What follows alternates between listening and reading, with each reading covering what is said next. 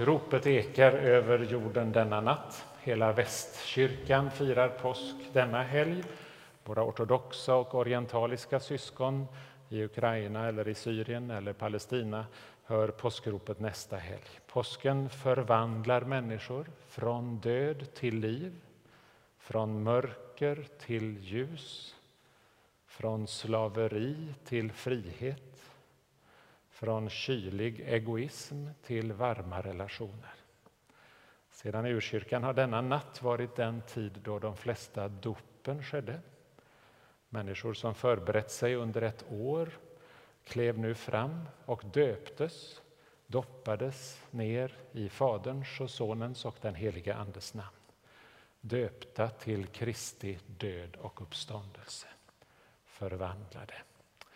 Och därför var den här lilla frågan som vi inbjöds att svara ja på en doperinran, eh, en påminnelse om mitt eget dop.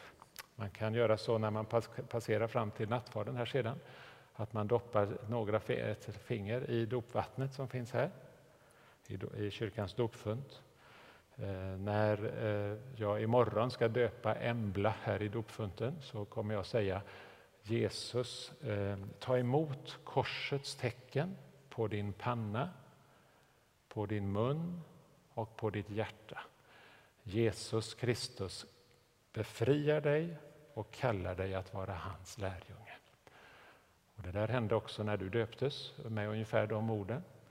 Eh, ta emot korsets tecken på din panna, på din mun och på ditt hjärta.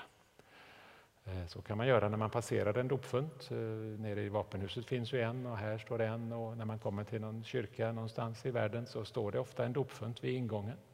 Då kan man ta lite vatten och så fyller man i sina dopkors för att påminna sig.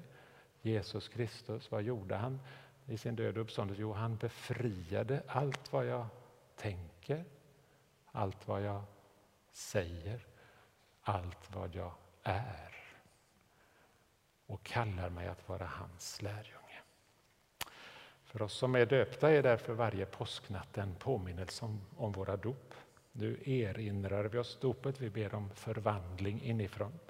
Om nytt liv, om ny kraft i bönen, ny frimodighet att leva som kristna.